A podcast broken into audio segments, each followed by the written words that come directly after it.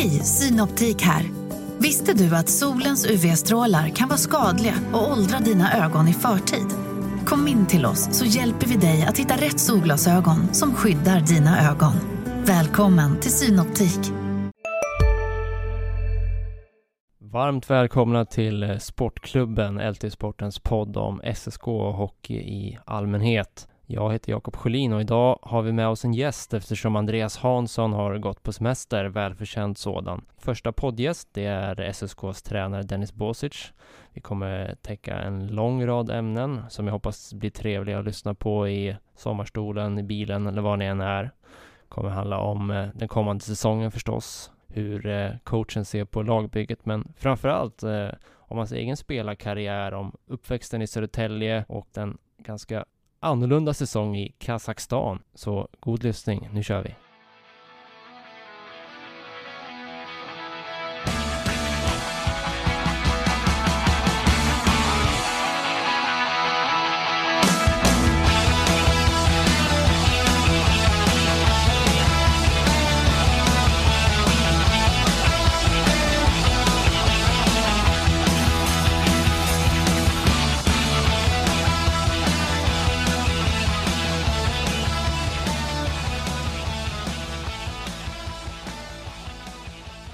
Vi med oss eh, poddens första gäst. Det är en av få Södertäljespelare som varit proffs i Kazakstan. Han är 29 år och Hockeyallsvenskans yngste coach. Han eh, har vunnit eh, 27 av sina 42 matcher på SSKs bänk när han haft huvudansvaret och eh, med det är han eh, den mest vinnande coachen tillsammans med Niklas Falk i SSK på 2000-talet. Också vad jag hört en hängiven paddelspelare. Välkommen till podden Dennis Bosic. Tack så mycket, tack. Vilket av de där hänger du upp dig på?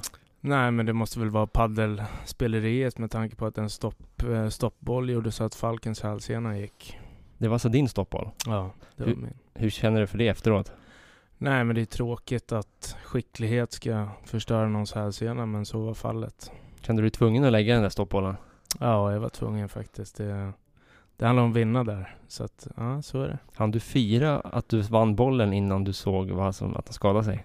Ja, jag kände det själv. Och jag trodde ju att han fejkade skada först. Så att jag sa lägg av nu, kom, kom igen nu. Och då sa han nej, den är av. Så. Hur kommer det sig att du, du fortsätter spela padel där trots den här svåra skadan på din eh, tränarkollega? Nej, men vi andra i teamet, vi håller ju så att det... Jag tycker att det, det är ett roligt sätt att få ihop teamet på faktiskt. Eh, göra någonting tillsammans. Ja, det är kul. Vi har väl haft Andreas Lindbäck från J20. Han har ju varit med och spelat någon gång. Eh, och sådär. Det är kul att få lite sammanhållning. Det är ju en sport som har svept in som en eh, eldsvåda får man nästan säga över hela Mm. idrottsvärlden i Sverige och eh, bland mellanchefer och medelålders män också. Mm. Hur ser ni på att spelarna spelar padel? Alltså så länge de inte gör det för mycket, då tycker vi att det är okej. Men det, det är ju en skaderisk. Framförallt för patellasenan som ligger under knäskålen där. Det, är- det är inte bra. Eh, speciellt om man tränar mellan sju och nio pass i veckan. Så det är väldigt lätt att bli överbelastad. Så att, eh, jag har själv haft problem med den, med den senan tidigare när jag spelade. Och det, det gäller att vara noggrann där. Hur håller din kropp då? Den håller okej efter förutsättningarna tycker jag. Det, jag har några operationer på kontot men det funkar. Det gör det. Jag försöker, försöker hålla igång bättre nu. Hur mycket tränar du? Eh, just nu cirka fem gånger i veckan. Ehm, men eh, konsten är att hålla i det under säsongen. Mm. Så det, det är en stor utmaning för mig själv faktiskt. För er som då inte minns det så eh, är, du är alltså 8% idrottsinvalid efter hockeykarriären. Du har fått operera axeln och du har fått eh, operera ryggen. Hur eh, behöver du ta hand om det i vardagen idag? Nej, men egentligen kanske lite bättre än vad jag gör. Eh, det är ju mycket tråkiga övningar. Det är ju inte att gå in och lyfta tunga böj som, som är bra för, för ryggen direkt. Men det är vara allmänt aktiv. Jogga är väldigt bra för små muskler. Och sen är det lite rehabövningar som, som rehabteamet skäller på mig också om. Så att, eh, men det finns roligare saker att göra känner jag. Sliter du att stå i ett eh, hockeybås under 52 omgångar? Nej, inte fysiskt, det gör det inte. Eh, sen är det mentalt. Man vill ju hela tiden jobba, jobba, jobba för att ge bra förutsättningar åt killarna. Och det är väl det som tar tid från, från lilla hälsotimmen. Det är ofta att man vaknar, vaknar på morgonen tidigt och så tar man istället för att träna lite då kör man lite extra video. Så att det är väl där det ligger liksom eh, i utmaning. Är det så även nu under off-season när ni tränare har lite mer tid på händerna? Nej, verkligen inte. Då kommer man in i en helt ny rytm och man får ju mer D-vitamin och bara gå ut och liksom mer energi så att eh, det är enklare att hålla i det nu än, än i säsong. Absolut. Förutom paddel, hur samlar du energi nu när ni har eh, lite semester även från den gemensamma träningen? Mycket fiske försöker jag få till. Har varit uppe i Funäsdalen och vandrat och fiskat men det gick ju inget bra. Noll fiskar på kontot på en fem dagar eller vad det var. Så att eh, det kommer jag få skit för när jag kommer tillbaka till hallen kan jag säga. Du eh, närmar dig också en milstolpe i livet. Eh, fyller 30 eh, mm. om ett par veckor. Mm. Hur eh, känner du inför det? Jag tycker att det är skönt att, att bli lite äldre faktiskt. Ja, simple as that. Varför då? Jag vet inte. Det är väl man, man känner att man har, får mer erfarenhet. Eh. Sen är det klart att man vill uppleva saker i livet och hinna med. De här sista fyra, fem åren känns det som att de har ju bara swishat förbi. Men det, det känns bra. Eh, jag skulle inte gråta över att vara 35 nu heller. Så att, men det är kul. Jag tar var, varje dag som den kommer lite grann. Är du lite otålig inför framtiden?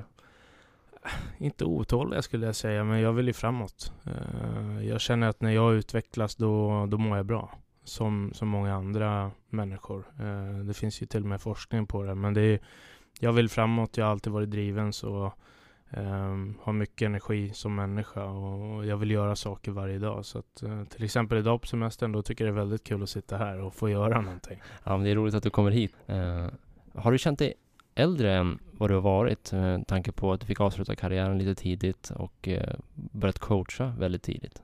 Ja, faktiskt. Eh, sen har det väl varit aktiva val som har gjort att jag, att jag känner mig äldre.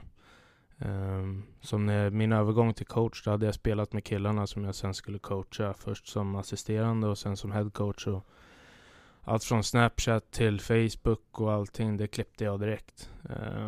För att ha, försöka ha en professionell inställning till, till jobbet. Det tycker jag är viktigt. Eh, det är jobbigt men det är också ett aktivt val och därför, jag tror att på den vägen har jag känt mig lite äldre. Eh, ja. Är det svårt att ta det klivet från spelare till coach, dels i samma klubb men också att egentligen coacha din egen generation på något vänster?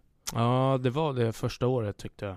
Sen, men jag gjorde ju också ett val att komma tillbaka hem till Södertälje Dels för eh, min situation med min sambo men också för att få lite erfarenhet ehm, på juniorsida och det blev ju inte jättemycket. Men eh, ett år i alla fall. Och det kände jag var, det var ett nyttigt år med Magnus Jansson och, och liksom få se hur, hur driver han saker och även få tala till yngre, yngre än vad jag själv var. Så att, ehm, jag tror att det är viktigt att, att inte ha för bråttom samtidigt som jag själv vill framåt. Samtidigt gick det väldigt fort för dig. Hade du tänkt, hade du trott att du var här du skulle vara vid 30? Nej, mitt mål var att vara huvudtränare på J18 innan, innan jag fyllde 31. Så det har bara flyt, flyter på och jag har fått chansen verkligen av, av mina chefer som jag har haft och även i den här övergången och, och omgrupperingen som har blivit i Södertälje SK nu och det är jag väldigt tacksam över. Så att eh, jag, jag hoppas jag gör någonting bra och jag försöker bara jobba hårt, göra rätt saker. Så får vi se hur långt det räcker. Du har ju uppenbarligen hunnit slå det målet med råge. Eh, nu är du Hockeyallsvenskans yngste eh, headcoach. Hur märker du det i sådana sammanhang? Att du eh, är yngre än övriga? Jag har ju, det är väl det som är bra tycker jag. Att, att jag kanske inte, i alla fall förra året, att man inte stod själv i det. Ehm, jag, jag har ju väldigt mycket energi och jag försöker att dra lärdom av andra. Ehm, och jag vet att man är lite hetare oftast när man vill framåt, man är ung och, och, vill göra saker och vara kreativ.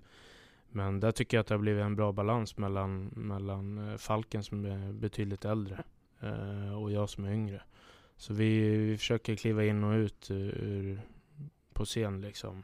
Och, och vara samlade när man väl talar med gruppen och, och sådär. Och det skulle jag vara på hela tiden, då skulle jag nog lätt kunna bli ganska för mycket tror jag. Jag har hört att du har hyfsat temperament som coach, stämmer det?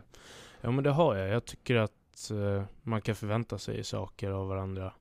Um, jag tycker att man gör, man håller på med det här för att det är en lagsport och då, då ska man också chippa in till laget. Så när, när någon individ inte gör det, antingen i ledarteam eller i, i spelarteam då, eller i teamet som helhet, då tycker jag att då ska man kunna säga till högt i tak och det är kanske obekvämt där och då men jag är van vid det och bekväm med det och jag har inga problem att prata om det efteråt men jag tycker man ska kunna säga till varandra. När har du varit som mest förbannad som SSK-tränare? När man inte gör jobbet, eh, ska jag säga, som helhet. Jag, jag har väl knäckt någon tavla för mycket tycker jag. Eh, men jag får ta det på mitt, på mitt unga konto, eller vad man ska säga. Men det, det har jag gjort absolut. Och, det som jag ändå tycker känns okej, okay, det är att eh, spelarna, jag har en dialog med spelarna, så de vågar komma och säga till mig att fan, ta det lite lugnt liksom. Vissa killar kan inte hantera det. Så att jag har väl hittat en, under förra säsongen hittade jag en bra balans där tycker jag. Mot slutet så var jag balanserad. Det har funnits tid nu under våren och under eh, den tid när Corona har egentligen stängt ner hela idrottsvärlden att mm. Eh, lyfta på andra stenar än normalt och i hockeyvärlden så har en av de större diskussionerna handlat om dels ledarstilen som har funnits i, inom ishockeyn eh, historiskt där Mike Babcock har varit ett av de eh, stora samtalsämnena och hans eh, hårda ledarstil kan man säga med eh, bland annat hur han eh, tvingat egna spelare att göra ganska suspekta eh, eller satt dem i tuffa situationer. Hur ser du på den typen av, av ledarstil? Jag tycker inte, jag tycker att alla ska behandlas med respekt. Det, det är väl grunden och att eh, vad jag har förstått så de sakerna som har skett där, det, de värderingarna delar inte jag. Jag försöker gå efter min egen alltså, kompass eller vad man ska säga och, och stå för det jag gör. Eh, jag ska kunna prata öppet om det i media. För annars tror jag också att media kommer sluka mig. Jag vill kunna vara ärlig och öppen med vem jag är. Har jag knäckt en tavla i omklädningsrummet, ja då har jag gjort det. Eh, och någonstans så, det är ingenting man är stolt över men men man ska kunna säga det. Däremot personangrepp, rasistiska påhopp, allt sånt där är inte okej okay, liksom. Eh, och där, det, jag förstår att det blossar upp. Det är likväl som metoo-kampanjen som kom igång och det, det är bra att det kommer upp tycker jag. Men jag vill kunna vara transparent eh, i mig själv och mitt eget varumärke eller vad man ska säga. Så att eh, det är viktigt för mig med värderingar. Men för att komma, gå tillbaka till det här med auktoritära ledare och, och den stilen. Hade du någon gång coacher som eh, coachade på det sättet? Ja, jag har haft en. Eh, både plus och minus med det eh, för mig som individ. Jag, när jag var i Zagreb i, i österrikiska ligan då hade vi en en äldre man som hette Marty Raymond. Han var fransk-kanadensare. Väldigt hård. Eh, strikt. De unga killarna skulle visa första, första övningarna. Eh, vilket det inte behöver vara något fel med. Men han, han var strikt. Jag var på videon i två veckors tid varje gång det var negativt klipp. Eh, och då var jag också en av de yngre spelarna. Så att eh, han var väldigt tuff och strikt och när jag väl bevisade mig då, det var när jag tog och stod upp för vår målvakt och tog en fight där det är okej okay där. Uh, och då gick han fram till mig på bå i båset och sa Good job kid, you'll never be on video again.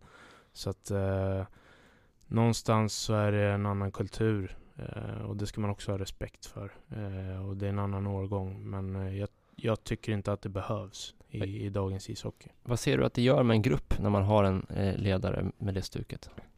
Det kan eh, komma fram rädslor. Eh, rädsla är ju, det kan vara någonting bra men, men många gånger inte. Och det gör att prestationen blir därefter. Om man är rädd när man går ut på isen så är det sämre enligt mig än om man går ut och är avslappnad och, och spelar med glädje. Så att, eh, ja, det, det är farligt också att måla in sig ett mönster där, där man bara ser negativt på, på ett tydligt ledarskap. För det är skillnad på tydligt och eh, negativt. Mm. På sikt här när en ny generation coacher, som du är en av de första ur 90-talisterna, när ni kommer in i svensk hockey, vad, vad tror du att eh, det kommer föra med sig? Det kan bli väldigt nördigt, tror jag. Det kan bli, eh, om jag tar de negativa först, och det kan ju leda till otydlighet, att det blir för mycket krusiduller och att det ska vara flashigt och det ska vara två timmar video istället för en kvart tio minuter där man faktiskt kan vara fokuserad. Men sen kan det också bli väldigt påläst, tror jag. Väldigt påläst, eh, tydligt om man använder timmarna på rätt sätt. Men det är många som är beredda att arbeta hårt, det vet jag. Det är färre, färre kaffedrickare. Eh, sen är det inget fel med att dricka kaffe, men, men jobbet måste göras. Det där är lite intressant för du säger att det kan bli fler långa videogenomgångar när, när coacher är ambitiösa. Mm. Eh, samtidigt så vet man ju att eh, dagens unga eller dagens eh, människor överlag har, har sämre eh, uppmärksamhetsförmåga, tappar fokus snabbare med eh, sociala medier och hur det, vad det har gjort med våra, vårt fokus. Hur kommer det gå ihop? Ja, det kan bli väldigt skevt. Eh, jag själv har ju... Jag känner att jag har svårt att fokusera om jag ska vara 100% fokuserad mer än 10 10-15 minuter i ett rum. Eh, speciellt om det är dålig luft och det är, man har spring i benen så att det är, Nej, jag försöker, vi försöker hålla det kort. Eh, kort men precis liksom.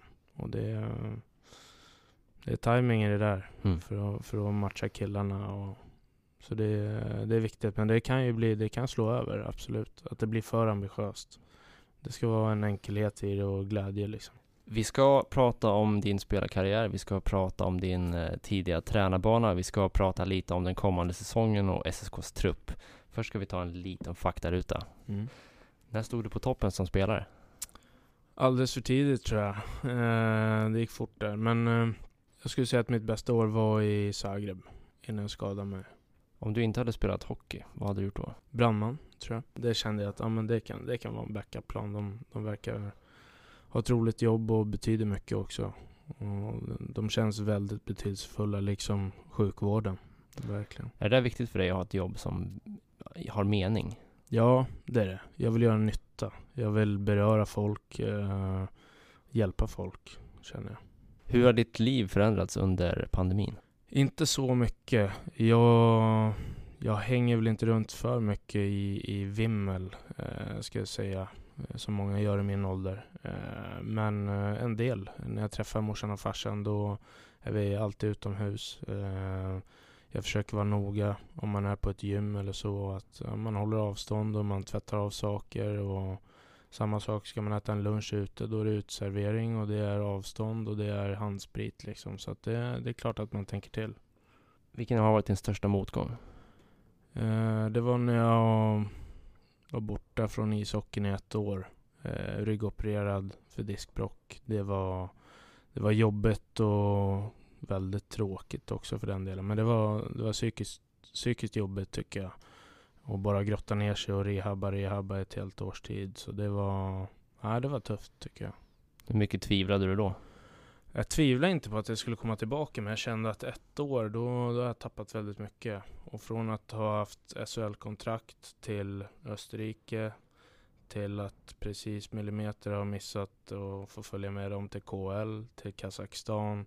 Så kände jag hur det gick neråt, neråt, neråt. Och sen blev det Danmark och då kände jag någonstans att med tanke på hur ryggen kändes så, så blir det nog inte mer än dan, danska nivån. Mm. Och då kände jag att det här, det här är inte det jag vill göra. För jag har alltid haft en hög ambitionsnivå. Och det, jag ville spela på så hög nivå som möjligt. Och det var, det var lite jobbigt faktiskt.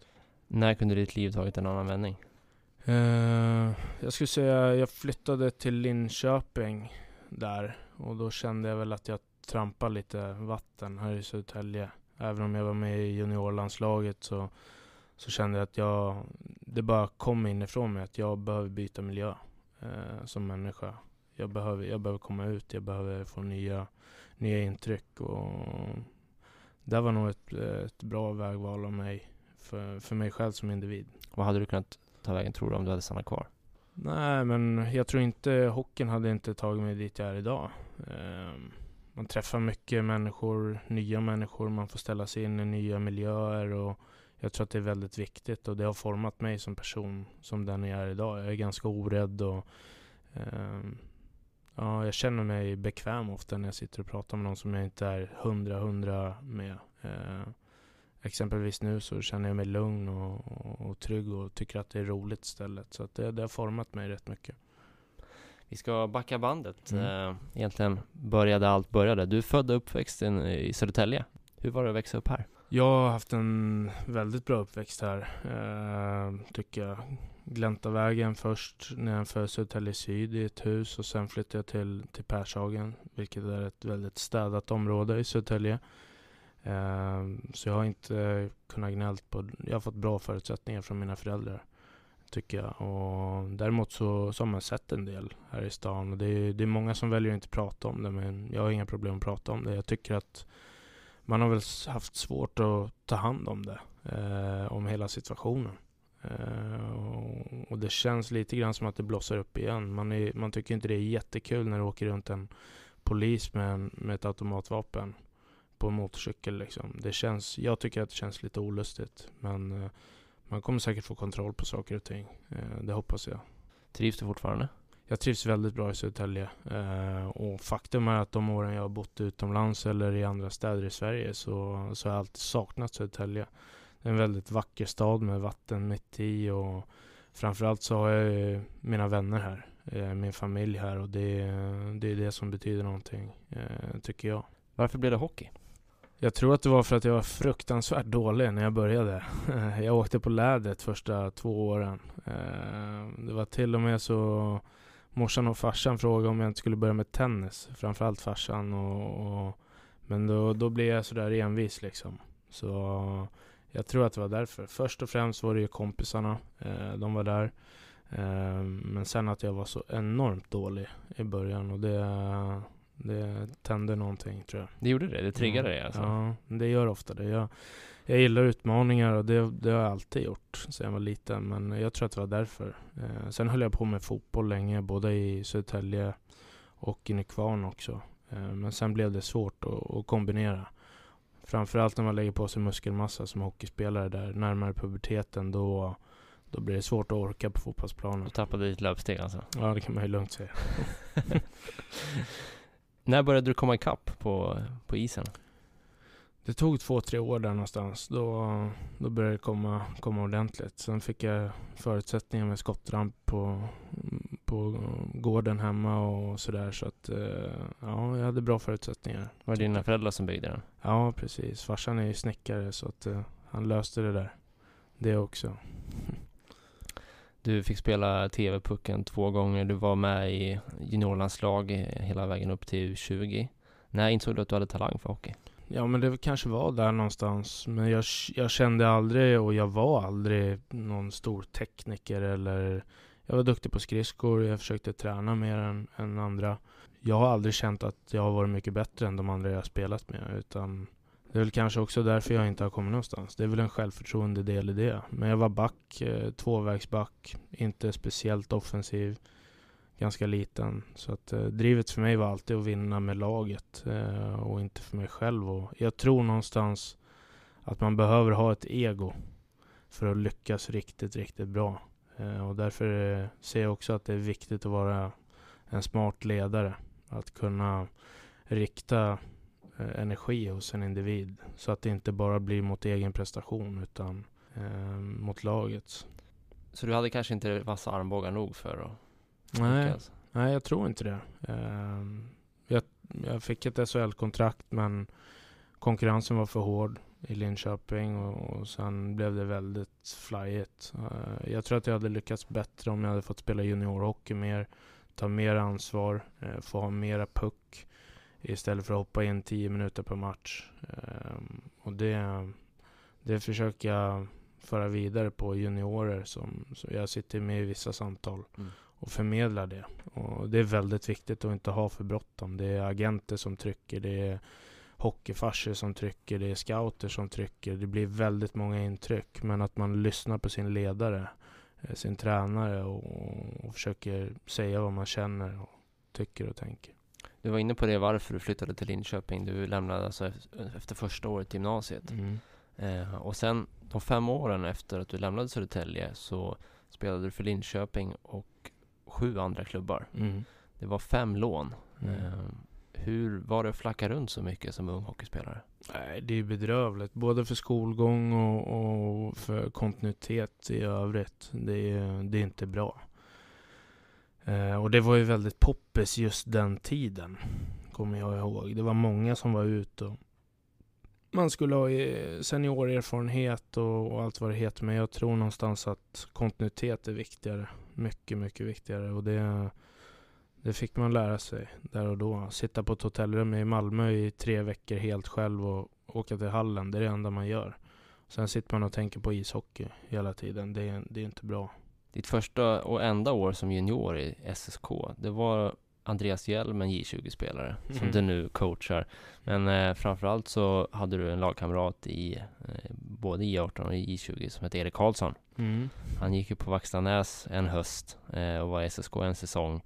Ja, där har en kille som har energi i alla fall, det kan jag säga. Han är en väldigt, eh, nu känner inte jag han bra längre, men, men då var han väldigt energifull.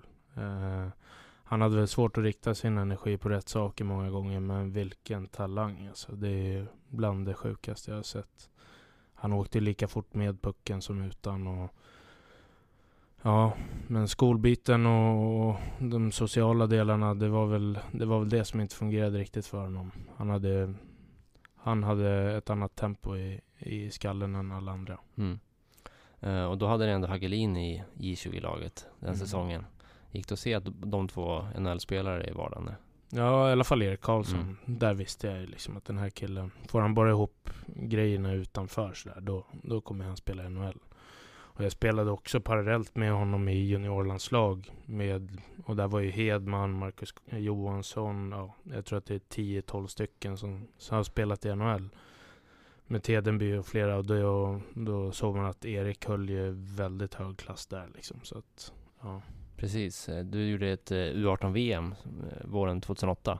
Mm. som du nämner så var det var Ekholm var med också, mm. David mm. Rundblad, det var många bra backar. Mm. Vem spelade du med? Jag spelade med Erik Karlsson. och det var också en utmaning för han gillade ju att vara offensiv. Så att, då fick man försöka ta defensivt ansvar när han gick på sina räder. Det var som att spela med fyra forwards där. Men, men nej, riktigt duktig hockeyspelare. Det var ett bra svenskt landslag också, det måste det ha varit. Ja, men vi kom, vi vann ju Ivan Linka där. Det är väl också någon form av VM. Eh, men sen kom vi fyra tror jag i eh, själva sista U18 VM-turneringen. Mm. Så att... Ja, det där laget så har ju i stort sett ja, väldigt många blivit draftade och hamnat i NHL så småningom. Men många är kvar där fortfarande. Hur nära var det att du blev draftad? Det vet jag inte riktigt. Eh, den agenten jag hade då trodde väl att jag skulle gå i från runda fyra och neråt någonstans. Han sa att det kanske blir en sista runda eller någonting. Så pratade jag väl med två, tre klubbar. Eh, sådär, men det var in, inte jättehett. Eh, den profilen på back som man skulle ha då, om man skulle vara tvåvägs eller lite mer defensiv, ska inte vara 179-180 cm lång, utan då ska man vara en 85 och uppåt. Och det, det kan jag se nu, för en sån som Ekholm var inte jättedominant där och då. Men han har ju verkligen eh, levererat där borta. Var det en besvikelse för dig att inte bli draftad? Uh, ja, det var det. Absolut. Det är ett stort mål man har, och, men, men jag, tyckte, jag tyckte att jag var där och då. Tyckte att jag skulle kunna bli draftad, men samtidigt så hade jag inte levererat poäng som man ska. Och det är bara att köpa det. Så att, uh, ja. Hur hanterade du den där besvikelsen? Jag försökte träna hårdare. Absolut. Eh, men det blir det, det är en rolig grej när man har hängt med ett, eh, ett lag, juniorlandslag hela vägen sådär. Att liksom få, få vara med om en combine till exempel hade varit roligt. Eh, och hela, hela draftlotteriet. Jag kommer ihåg jag satt med Hank the Tank i Djurgården. Han spelar i Djurgården nu. Henrik Eriksson och vi hade en grillkväll då när det var draft och han blev inte heller draftad. Så att då sa vi att nu ska vi träna ännu hårdare här. Eh, så att, nej, eh, bra erfarenhet i alla fall och få hantera besvikelse och man får ta med sig det. När du spelade i Linköping så fick du inte så många rubriker av det som hände på isen. Däremot mm. så efter en match så blev du rånad utanför arenan mm. som 18-åring. Det var ganska... Det var ganska... Vad ska man säga? Konstig känsla. Det, det går ju så fort. Eller det gick fort i alla fall. Och det var efter en match. Jag var på väg hem. Jag gick med Patrik Zackrisson och... Eh, vem var det mer? Ja, Daniel Fernholm tror Ja, jag. Daniel Fernholm, det stämmer. Och sen vek vi av. Eh, och så hade jag väl 300 meter hem. Så tänkte jag, jag har alltid varit noggrann när jag går hem på kvällar och sådär, att ah, men jag går mitt i vägen upplyst. Men så hör jag bara fotsteg bakom mig och så var det tre killar som, som hade bestämt sig eh, för att, att plocka mig på pengar och mobil. Och jag gav egentligen från mig allting och sa bara att hemnyckeln får ni inte. Eh, och det köpte de ju till slut. Men jag fick en glasflaska i bakhuvudet. Eh, den gick inte sönder och jag må, mådde okej efteråt. Så att, eh, och Mike Helber som var klubbchef då, han, han eh, stöttade efteråt och, och tog hand om det på ett professionellt sätt. Eh, så att jag, jag kände ändå att jag gick ur det rätt så bra. Han du bli rädd? Eh, rädd vet jag inte, men man får ju adrenalin. Absolut. Eh, när det kommer någonting oväntat sådär. Men jag har alltid fått lära mig att händer det någonting, ja men lämna ifrån dig, lämna ifrån dig sakerna. Så det går att köpa nytt.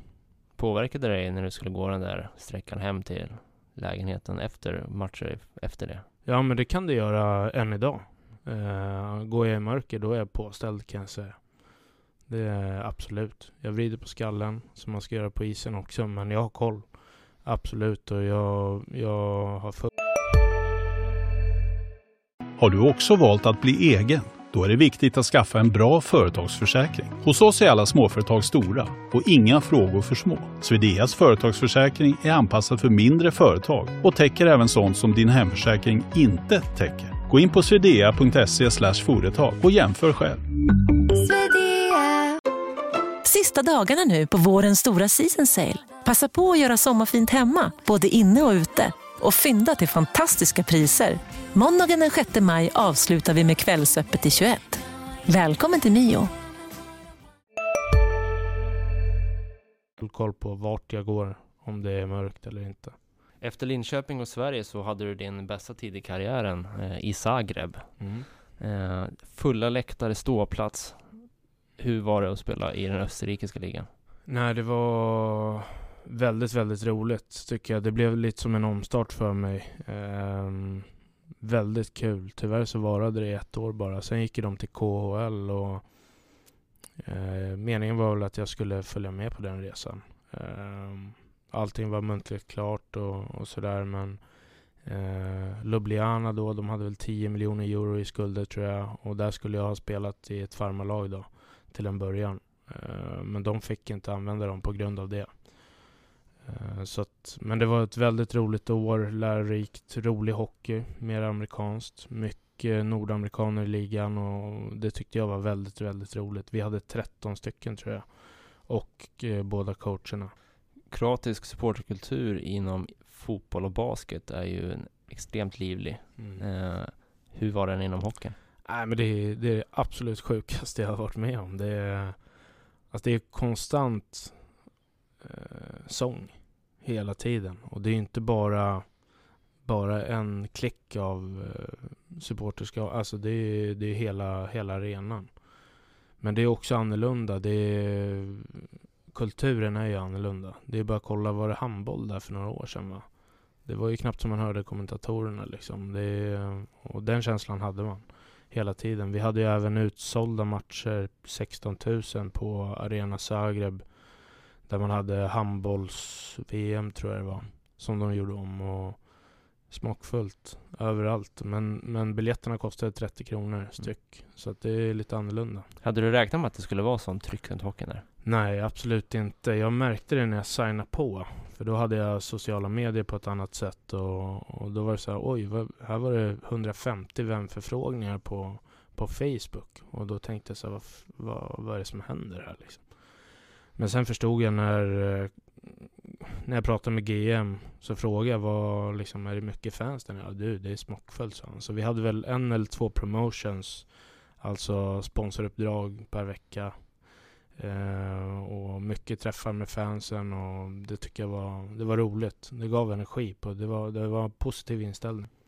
Sen eh, efter den här konkursen så tog din karriär en oväntad vändning. Din agent ringde upp och hade ett erbjudande och det var från Kazakstan.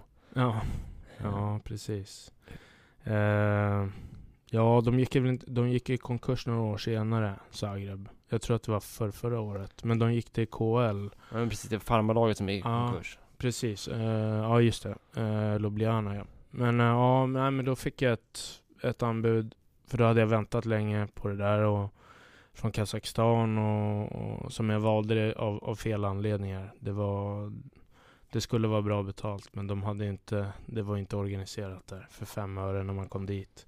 Jag skulle i princip ha svensk tv, svenska kanaler liksom, eh, egen lägenhet. Men när jag kommer dit då är det militär, militärläger liksom. Ett gammalt som vi bodde på. En, ett gruppboende för hela laget. Eh, jag blev inkastad med en ryss som inte kunde sven- eller engelska och liksom, då kände jag bara att vad, vad är det här för något liksom. Men eh, hur snabbt började du ana oråd när du kom ner? Ja, direkt faktiskt. Flygresan ner var på typ 24 timmar. Så jag flög över hela, med en Canadic, flög jag över hela, hela Kazakstan för att sedan flyga tillbaka. Det var någon form av ekonomibiljett och då kände jag bara att vad är, vad är det här för något liksom? Vem var det du hade med dig? Oh, det var målvakt, jag kommer inte ens ihåg vad han heter. Minns var- du, minns du vad ni sa till varandra? Ja, shit show. This is a fucking shit show sa vi.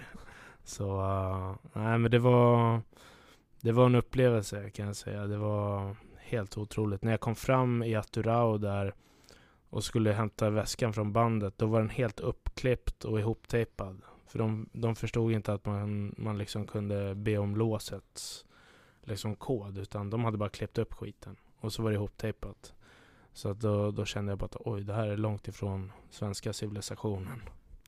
Vilken var den största kulturkrocken? Det var nog träningsmängden. De fokuserar väldigt mycket på mängder och inte lika mycket på kvalitet eh, och återhämtning. Eh, så jag skulle säga att de låg långt tillbaka. De tränar mer som skidåkare än, än som hockeyspelare. Det, vi hade fyra pass om dagen mina första tio dagar där. Fyra pass om dagen. Då var det upp på morgonen. Eh, innan frukost så var det lågintensiv jogg med pulsband. Eh, och där man bara tränar hjärtat och, och fettförbränning för samtliga i laget. Och sen var det gemensam frukost. Eh, en skål gröt, en vit brödbit.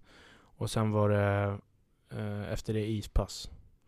Hem, sova, stod det på schemat. Två timmar. Tillbaka, bålträning 30-35 minuter. Och sen ispass en och en halv timme. Så så såg dagarna ut. Och vissa killar där, de såg ju liksom undernärda ut. Eh, och, ja, det var väldigt speciellt. Kom man inte med lagdressen på, eh, på middagen, eh, det stod även i kontrakten, då drog de av 30% på den månadslönen. 30 procent? 30% Så det var underbart men ja, det var speciellt. Det var ett, när jag kom in i omklädningsrummet första gången, det var ett stort, stort pillerfat mitt i omklädningsrummet. Jag bara liksom, vad, vad är det här för någonting? Uh, this one, this yellow big one, uh, you'll never get tired. Okay, so uh, And this one if you want to build muscle. And this one just hydration. Så uh, uh, you should take one of each every day. Ah, det är bra, jag tar ingenting här tänkte jag bara. Så att man försökte fylla på och, senare fick jag bo hos en, eh, en stor sponsor som var på olje, han var någon VD för oljefabriken där. Och då hade jag ett eget hus med bastu och gym och hela köret så hans fru lagade maten åt mig. Så då kände jag ändå att jag fick i mig näring liksom. Men det var, var, det var stress när jag kom ner kan jag säga. När du kom in på militärförläggningen? Åh fy, herregud vad det såg ut. Ångrade du dig? Ja, det gjorde jag när jag kom ner. Då tänkte jag bara att vad, vad ska jag göra? Vad håller jag på med liksom? Eh, det var visserligen sex engelsktalande i laget, men lagkänsla, det var ju så här, det fanns ju inte. Men det här, de här pillerna, vet- du idag vad det var i dem? Nej, ingen aning, men jag, jag kan ju bara ana liksom. Eh, så att eh, det, Hur många spelare tog det? ja det var säkert någon. Jag, jag har ju svårt närminne och jag ska inte hänga ut någon. Det kanske bara var vitaminer, absolut, men men eh, min känsla var ju att det här ser väldigt suspekt ut liksom. Kände man ett tryck där och, och, och ta? Jag menar, det måste kanske krävs någonting att säga nej? Nej, jag tyckte inte det. Utan det var inte så att de stod och pressade och ta någonting. Men jag frågade ju vad det var och då, då förklarade han så gott han kunde. För att det var ju inga, de pratade inte eh, flytande engelska direkt. Men, Men det kändes olustigt. Det var ju liksom hela helhetsbilden. Om man, när man kommer in i omklädningsrummet ser man det. Och sen berätta eh, Mike Danton, han eh, gamla NHL-spelaren som var där och spelade, han berättade att skaka ur skridskorna innan du sätter på honom. Ja, varför då, då? Då tog han fram mobilen och visade en bild på eh, en skorpion som hade legat i, i omklädningsrummet. Så det var ju öken där liksom. Eh, men, men det var, ja, det var speciellt. Hur var det att bo hos en oljemagnat? Det var häftigt. Han, han, berätt, han var väldigt dålig på engelska men supersnäll. Eh, han servade och hade sig och körde mig till träningar och, och ifrån träningar och han behandlade mig som ja, väldigt, väldigt bra. Eh, det första han gjorde var att berätta hur mycket pengar han hade. han sa att han kunde fylla hela rummet, alltså hela det huset som jag bodde i med pengar. Så mycket pengar hade han. var det då du frågade varför din lön inte var högre? Exakt, exakt. Det var det jag stod och funderade på där, med de förutsättningarna. Ja. Det var också där du fick din första riktigt svåra skada. Ja. Du, eh, du spelade bara två matcher eh, med det här laget, eh, mm. sen fick du en smäll i ryggen. Mm. Precis, det var, jag fick en tackling i ryggen jag spelade klart matchen, men jag kände liksom att det här är inte bra. Uh, men då, där och då så kände jag en press liksom att äh, men jag måste spela klart den. Sen på morgonen så kändes det ännu värre och det var en molande känsla nere i höften från ryggen. Uh, och det var L5S1 som koterna heter. Däremellan så hade disken, ja, stötdämpningen hade gått sönder och flyttat ut i, i min uh, nerv. som jag fick reda på senare. Så att eh, det är ju då diskbrock. Eh, så att då domnade hela benet bort. Jag kunde inte ens gå. Men tränaren tvingade mig att, träna med det i en kvart, 20 minuter. Eh, och sen var det ju bara in på magnetröntgen och så sa de bara vi bryter kontraktet. Det här är, det här är en sjukdom, det är ingen skada. Ja, fast jag fick en tackling igår av det här så jag liksom. Så att vi lär ju försöka ta hand om det här. Men de rev bara kontraktet rakt av och så skickade de hem mig på ett flyg. Eh, jag fick betalt för dagarna där och då som jag hade tränat och spelat. Men uh, de blev rädda rent, ja de var ju tvungna att få in någon ny helt enkelt. Mm. Så det var inte snack om att använda oljepengarna för att ta hand om sina spelare? nej, nej. Det är en helt annan värld. Alltså det är ju det är en jättebra erfarenhet så här i efterhand. Men, uh, men jag tycker man ska tänka till. Jag hade, jag hade bra eh, agent då tycker jag. Han rådde mig till att skaffa en bra försäkring innan så att jag fick ju hjälp med sjukvård och allting sånt mm. direkt mm. när jag kom hem. Mm.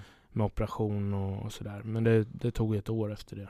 Man måste känna sig lite som en handelsvara när man går sönder och så blir man bara kastad på soptippen sådär. Ja, lite. Men det, samtidigt så, jag har alltid varit medveten om att det här vi håller på med, det är resultatinriktat. Och och det är därför man håller på med det också. Så att jag har inga problem med den biten. Och så här i efterhand, då var det surt. Men så här i efterhand så ser jag det som en ganska rolig upplevelse faktiskt. Mm. Du gjorde en säsong till i Danmark. Sen eh, gick din axel sönder och du fick lägga klubban på hyllan. Mm. När eh, var det idén kom att du skulle bli tränare efter det?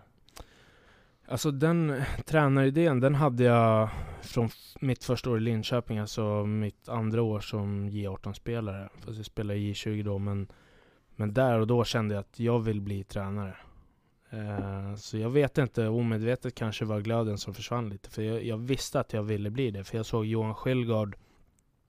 Han betydde mycket för mig där och då. Han var HG-ansvarig och lite annat där.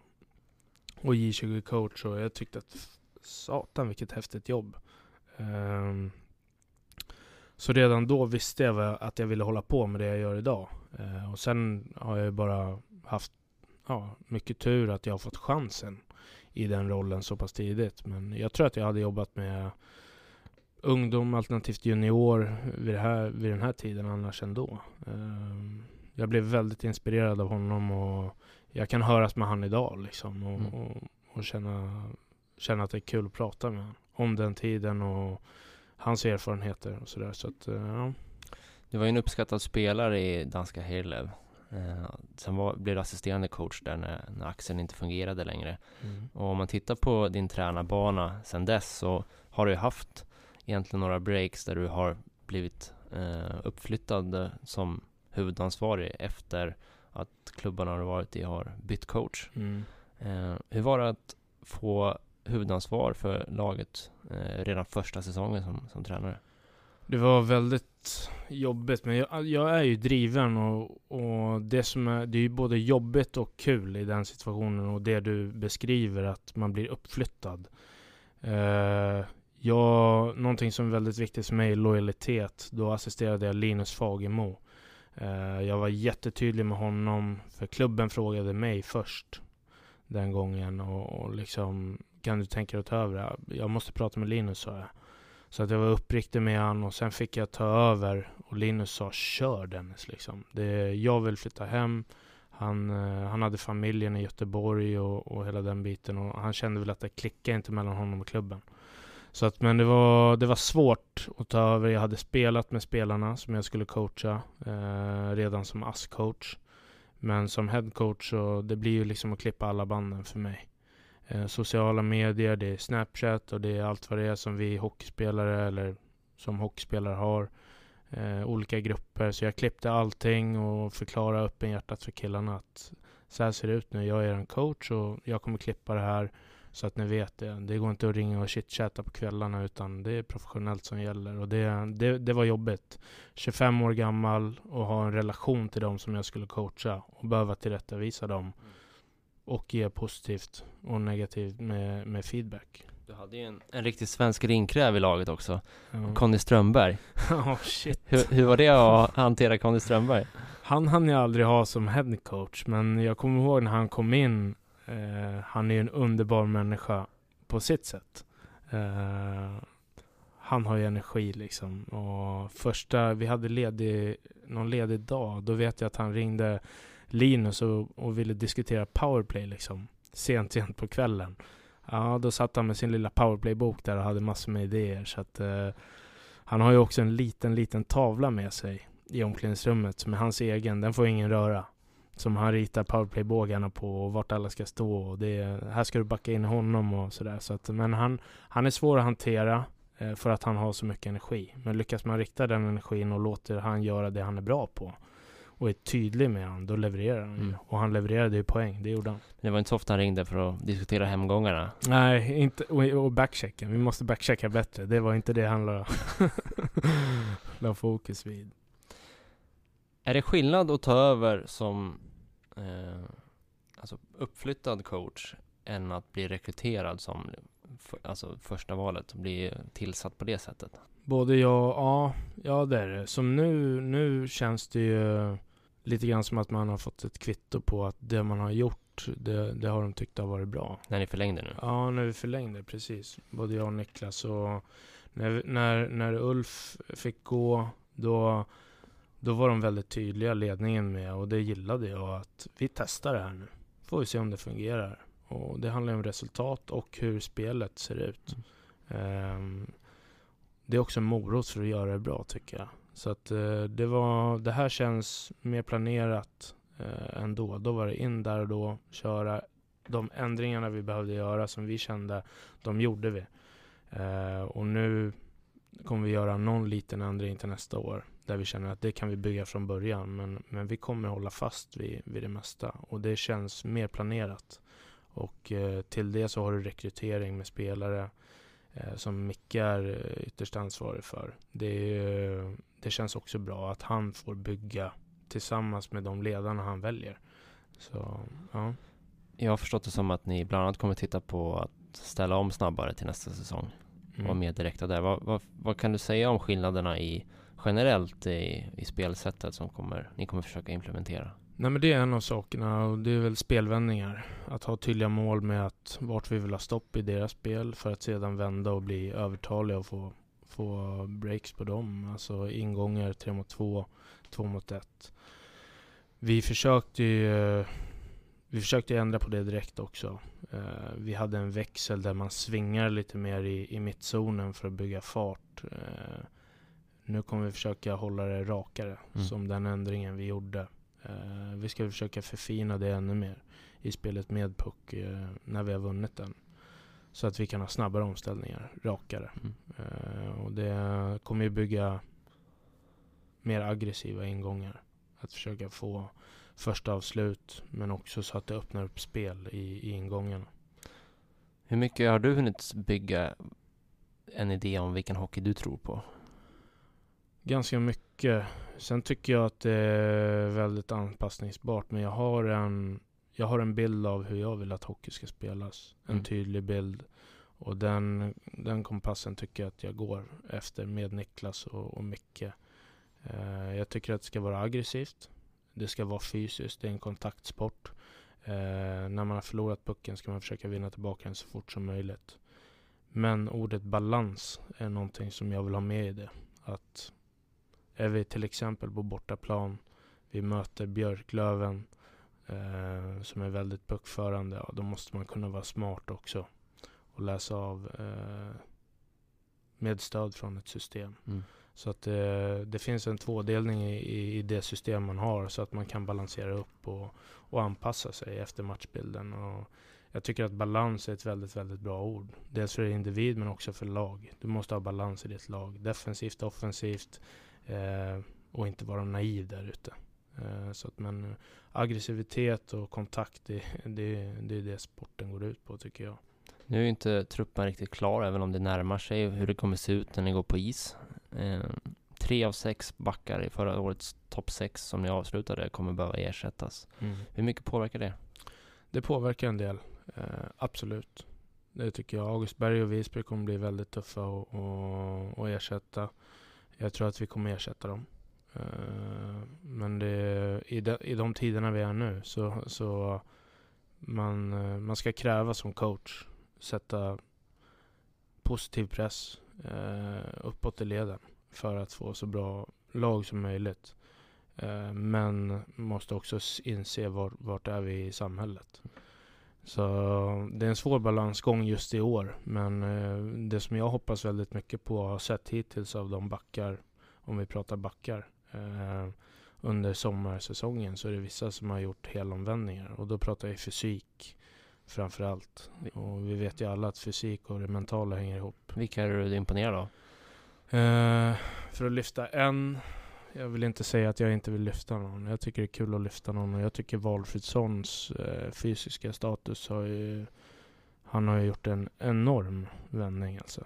Det är, för att droppa ett nummer så han tog 210 i, i benböj här och, och han är inte stabbig utan han, han ser bra och smidig ut i kroppen och, och liksom uthållighetsmässigt har han också tagit steg. Så det, det glädjer mig. 200, Väldigt. 210 låter ju väldigt mycket, men i relation till Sett i relation till vad de andra, alltså vad, är det mycket eller är det normalt eller vad? Ja, det är väldigt mycket. Det är mycket. Dels om man ska ha kontroll i bål eh, och annat så är det väldigt mycket. Och sen ska vi få fart på grejerna också. Och det, det är väl den senare fasen av träningen nu. Den som kommer och håller på nu. Att eh, trimma, trimma motorerna som Grossa och Andreas Lindbäck säger. Just det. Men du är nyfiken på hur han kommer se ut på is? Ja, jättenyfiken och bra ålder på han också. Och jag tycker att vi har några bubblare i laget som, som har bra ålder och ska kunna ta steg. Så att, eh, sen gäller det att hålla i det där under säsongen också. Men vad är det för egenskaper du skulle vilja ha in om du får önska på backsidan? Vi behöver right back, eh, offensiv kvalitet. Eh, och det är väl egentligen kolla lite grann, tycker jag, på balansen som var förra året som var bra med Vilsby och, och Berg. Det är en right back och det är väldigt mycket offensiv i, i, i Vilsby. Det, det är svårt att hitta i de här tiderna, absolut. Eh, det är många som söker det. Men eh, en right back kommer vi behöva in, tycker jag. Det är överlag ganska få rightare i laget. Hur Mm. påverkar det er som coacher? Det, det påverkar ju i powerplay bland annat och även i system. Så är det ju. Men, men man, kan, man kan spela på, på andra sidan ändå. Absolut. Men då behöver det, det behöver finnas en skicklighet som gör att man kan kicka in puckar på, med backhand och, och så vidare. Så att, eh, och framförallt så är det väl en liten anpassningstid i början. Mm. eh, För att kunna switcha kant. Men jag, jag, jag tror att de killarna vi har nu vi behöver ha in en till till i start. Eh, och sen eh, tycker jag det känns som att Micke har, han har bra koll och han har en plan. Mm. eh, hur han tänker framöver när vi pratar. Så att jag är, jag är inte orolig. Kan det bli så att ni får spela in de sista spelarna sent på försäsongen? Ja, absolut. Bailey till exempel kommer ju första september. Mm. Så det kan, det kan, det är absolut. Ett, ett fall som skulle kunna vara så. Nu vet vi inte exakt när serien kommer starta Mm. med tanke på Corona. Eh, SHL vill starta oavsett i september. Hockeyallsvenskan vill eventuellt skjuta på seriestart om det inte går att ha publik då. Mm. Eh, hur tycker du att man borde göra? Jag tycker eh, att man behöver stämma av med klubbarna samtliga liksom. Men, men min, min instinktivt så känner jag att spela utan publik, det är väldigt konstigt. Det, det är vad jag känner. Då Mm. tycker jag kanske att man ska skjuta på det lite. Eh, bara det inte blir för mycket. Eh, men jag tycker att man ska skjuta på det i sådana fall. För att publikintäkter är oerhört viktigt för att få ihop budget Mm. för många. Framförallt de större klubbarna som har lite större arenor. Det är dyrare hyra, det är, man är mer beroende av det. Eh, och ska man bara tänka på de större klubbarna? Nej, absolut inte. Men det är en helhet. Så att, eh, jag tycker att man behöver ha sunda samtal kring det. Men ni måste samtidigt börja planera inför nästa säsong. När ni ser truppen eh, börja sätta sig nu. Hur, hur mycket börjar du redan nu laborera med uppställningar och kedjor och formationer? Inte så mycket nu. Backparen känner jag väl att jag har hyfsad koll på, eller jag har koll på. Ehm, men sen, sen är det, man, vi behöver få in eh, en eller två spelare till. eh, som det ser ut för att vi ska kunna sätta ihop det riktigt. Vi har vissa par kanske i kedjor som vi vet att ja, men de här vill vi spela ihop. Eh, och vi bollar mycket sånt fortfarande med Samme. Han har ju en bild och många av de spelarna som värvades under säsong har inte vi varit delaktiga i heller. Är det fortfarande, är det bara backar du vill ha in där eller en forward också? Det får vi se. Hur tar de steg killarna? Eh, då kanske vi inte behöver det. Mm. Men utifrån den, vi har ju en hög ambitionsnivå. Eh, så att eh, vi vill ju leverera resultat som klubb och till, till fansen. Är det givet att eh, Blomstrand och Nick Olesen spelar ihop nu när Blomstrand blir kvar? Ja, det är ganska givet tycker jag. Det där var ju en idé som jag hörde att du kom med efter säsongen. Hur, hur ser man sånt där, att vissa spelare passar ihop? Hur har du fått reda på det? Det var Falk som berättade att det var du som kastade Ja. upp det på ett Ja. tränarmöte. Ja, nej men jag tyckte väl någonstans att vi hade Stoffe i, i truppen och han är väldigt ansvarstagande och jobbar enormt hårt liksom. Dels kemimässigt på isen, att eh, de har olika kvaliteter. Men också så kände jag att ja, men Stoffe kommer kunna han kommer kunna balansera de två. Eh, och där och då kände jag väl att om, om vi kan få Nick att jobba mer över hela banan eh, tillsammans med, med Ludde och Stoffe då kommer det gå hur bra som helst. Så att, Vi spelar in det här på måndag. Eh, på onsdag det första juli. Det är deadline för övergångar till SHL. mm. Eh, ja, inte den hårda deadline, men den första deadline som gör att de kan fram till dess värva spelare på kontrakt. Sen får de betala ytterligare 300 000 i tio dagar till för att eh, kunna göra det. Mm. Hur ser du på chanserna att eh, ni får behålla eh, alla spelare som är i truppen nu? Och jag tänker kanske främst på Nick Olesen. Nej, jag tror att chanserna är väldigt bra att vi får behålla dem. Jag upplever, eh, vi har självklart fört samtal med Nick och jag upplever han som en väldigt ärlig och öppen individ och han, han, han trivs här. Han trivs bra och han tror och vi tror att det är väldigt bra för hans utveckling att vara här ett år till. Håller man andra som coach i det här läget? Eller vad, hur förhåller man sig till den här deadline? Ja, jag gör det lite. Vi har ju Dan Pettersson som försvann här för, vad är det, två år sedan. Mm. Ehm, som var en viktig kugge i vårt lagbygge. Och det, är, det är svårt att, att bygga lag eh, om man ska ha individer som är kvar en stund. Som, som liksom bidrar även, alltså nummer ett, till resultaten men också till fansen. Hur kul är det att vara fans när det kommer in en spelare som man tycker om och så försvinner han efter ett år varje gång. det känner inte jag. Alltså fanskultur, var, var, vart pre- premierar vi det? Mm. det Har det där också gjort att allsvenska lag har ett kortare fönster nu än tidigare att gå upp? För att alltså, man måste få ihop alla samtidigt. För att om man inte blir, får ihop det då, en del av laget blir tillräckligt bra, ja då blir det som för Modo nu till exempel, att Mm. hela laget blir söndershoppat.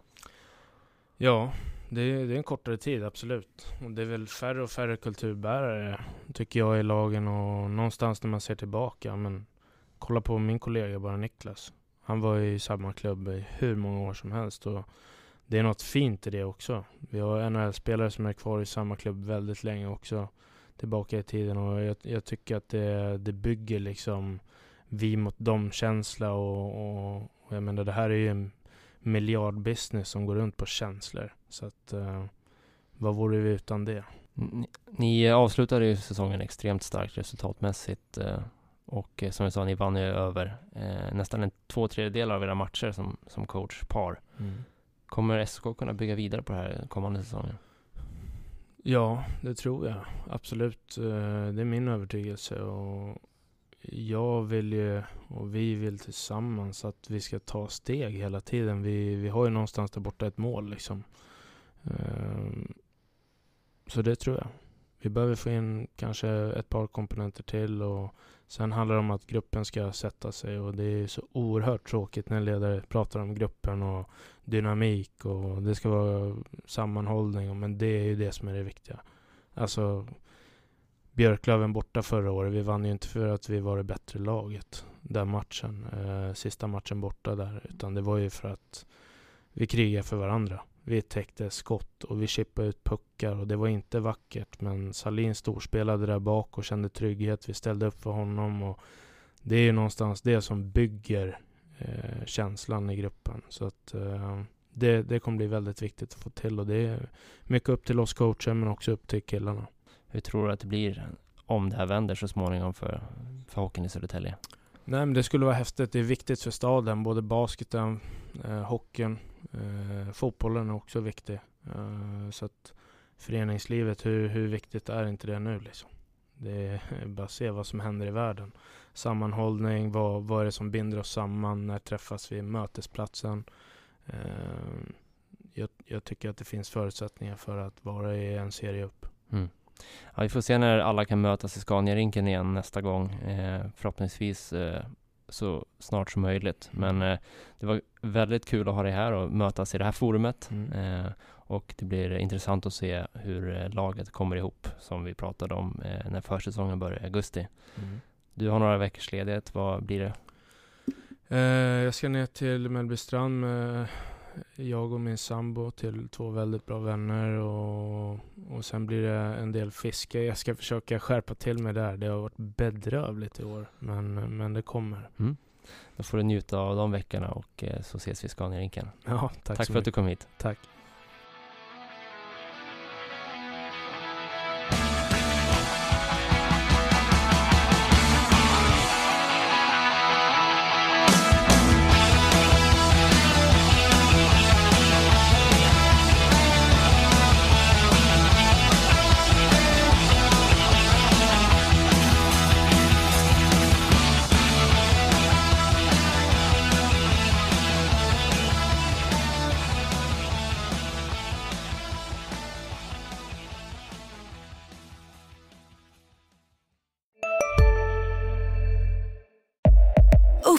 Hyllade XPeng G9 och P7 hos Bilia. Våra produktspecialister hjälper dig att hitta rätt modell för just dig. Boka din provkörning på bilia.se xpeng redan idag. Välkommen till Bilia, din specialist på XPeng. Just nu till alla hemmafixare som gillar julast låga priser. En slangvinda från Gardena på 20 meter för vattentäta 499 kronor. Inget kan stoppa dig nu.